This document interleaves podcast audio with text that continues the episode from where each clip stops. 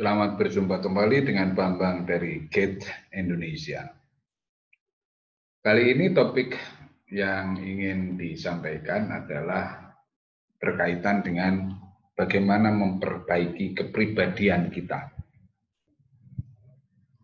Karena secara umum itu ya tidak semua kepribadian kita ini bagus-bagus banget. Ada beberapa hal yang perlu kita perbaiki agar supaya efektif untuk bisa mencapai uh, apa yang menjadi tujuannya kita atau apa yang menjadi uh, obsesi kita untuk sukses. Ya. Ada 10 hal yang bisa kita perbaiki di dalam kepribadian kita ini. Yang pertama itu adalah percaya diri. Jadi PD. Nah, sering kali kita itu enggak, enggak pede dalam melakukan sesuatu itu. Itu biasanya karena umumnya itu ada perasaan takut, takut salah, takut dicemooh, takut tidak berhasil, takut tidak cocok, dan sebagainya. Jadi saya pun kadang-kadang juga demikian. Kadang-kadang juga saya juga mengalami kurang percaya diri juga. Gitu. Makanya perbaikan kepribadian itu bukan yang sekali jadi kalau kita perbaiki lalu kita beres gitu, enggak. Tapi itu adalah usaha yang terus-menerus agar supaya kita ini belajar ya. Nah, jadi percaya diri ini perlu nih kita pertimbangkan terus-menerus untuk diperbaiki. Yang kedua itu perbaiki keterampilan berkomunikasi. Ya. Terutama itu berkomunikasi itu adalah mendengarkan, karena mendengarkan ini jarang dilatihkan. Karena mendengarkan itu memerlukan kesabaran. Ya. Jadi banyak orang belajar komunikasi itu belajar ngomong, enggak. Tidak hanya itu, tidak hanya ngomong. Karena keterampilan berkomunikasi itu bisa ngomong, ya, bisa menulis, ya, bisa juga berkaitan dengan body language, dengan bahasa tubuh. Nah, bahasa tubuh ini harus punya kepekaan. Jadi itu hal-hal yang perlu kita kembangkan terus-menerus. Yang ketiga itu adalah cara berbusana, ya. Cara kita menggambarkan citra kita. Berbusana itu tidak selalu harus mahal, tetapi yang dicari itu adalah keserasian, kesesuaian. Ya. Kadang-kadang juga ada, misalnya kalau yang memperhatikan warna, kita senang nuansa biru muda, ya. ada yang senang nuansa pink, ya secara umum berbusana yang serasi itu adalah gunakanlah warna-warna yang pastel. Yang pastel itu mudah. Jadi kalau biru ya biru muda, ya. Kemudian merah muda, hijau muda. Itu pasti akan serasi, akan cik. Gitu. Ya. Hindari berbusana yang warnanya itu besar-besar, kotak-kotak besar, ya, garis-garis besar. Apalagi kalau kayak saya ini hitam itu hindari ya baju-baju yang gelap karena hitam itu nanti udah tambah hitam tambah gelap gitu.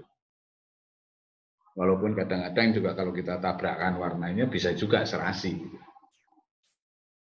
Nah yang keempat itu kepribadian itu bisa terperbaiki juga dengan kesungguhan.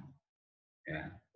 Kesungguhan mengenai sesuatu, mengenai apa, ataupun kesungguhan dalam melaksanakan satu tindakan atau satu pekerjaan. Nah, sungguh-sungguh ini sering orang mengatakannya passionate, passion. Ya, sungguh-sungguh. Jadi semangat yang sungguh-sungguh. Karena semangat yang sungguh-sungguh ini akan menentukan juga di dalam kita mencapai kesuksesan. Yang kelima itu adalah perhatikan bahasa tubuh, body language. Jadi kalau Anda PD, itu ya body language-nya harus PD, ya, harus tegak. Jadi bahu ini tegak, pandangan mata, eh, tatapannya itu ke depan. Ya, tatap mata. Jadi jangan menunduk, jangan tangan dan sebagainya menunjukkan bahwa kita ini timid atau malu atau takut. Tapi juga tidak boleh arogan ya. Sombong.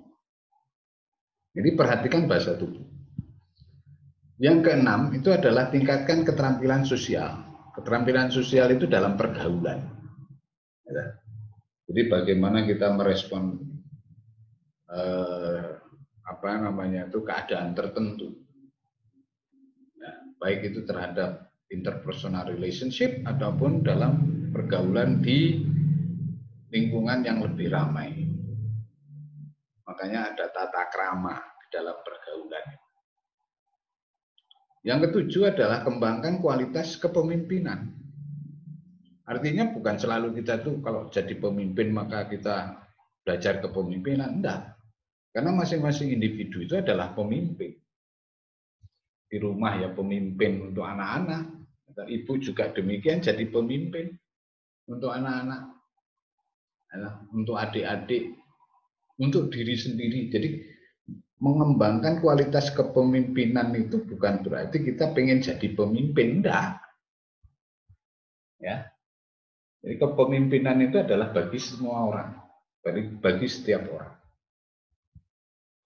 Yang kedelapan itu adalah sikap optimistik, ya, sikap positif, sikap memandang masa depan itu dengan penuh semangat, ya, dengan penuh ingin tahu, dengan penuh keceriaan, dengan penuh keberhasilan.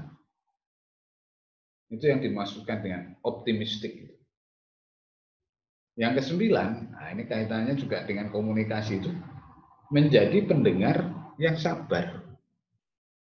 Jangan senangannya mencela, gitu, menganggap diri paling benar, gitu, maunya didengerin tapi nggak mau mendengarkan. Ya, itu adalah kepribadian-kepribadian yang kurang baik. Makanya perlu diperbaiki, menjadi pendengar yang sabar apalagi lebih bagus lagi menjadi pendengar yang sabar dan berempati. Weh, mantap. Ya. Yang terakhir adalah kita dalam hidup itu perlu menjadi pembelajar yang baik. Jadi pembelajar apa saja, ya. Apalagi kalau zaman sekarang itu di era digital itu kita bisa belajar dari macam-macam, ya, dari podcast, dari YouTube, ya, dari Facebook, dari buku, ya. Itu kita menjadi pembelajar yang baik. Sehingga kita tidak mudah untuk judgmental, tidak mudah untuk menghakimi orang. Oke, jadi itu adalah 10 hal ya yang bisa kita gunakan untuk memperbaiki kepribadiannya kita.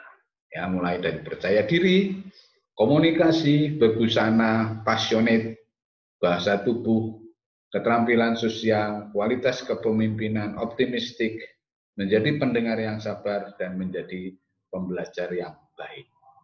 Mudah-mudahan bermanfaat, ada gunanya.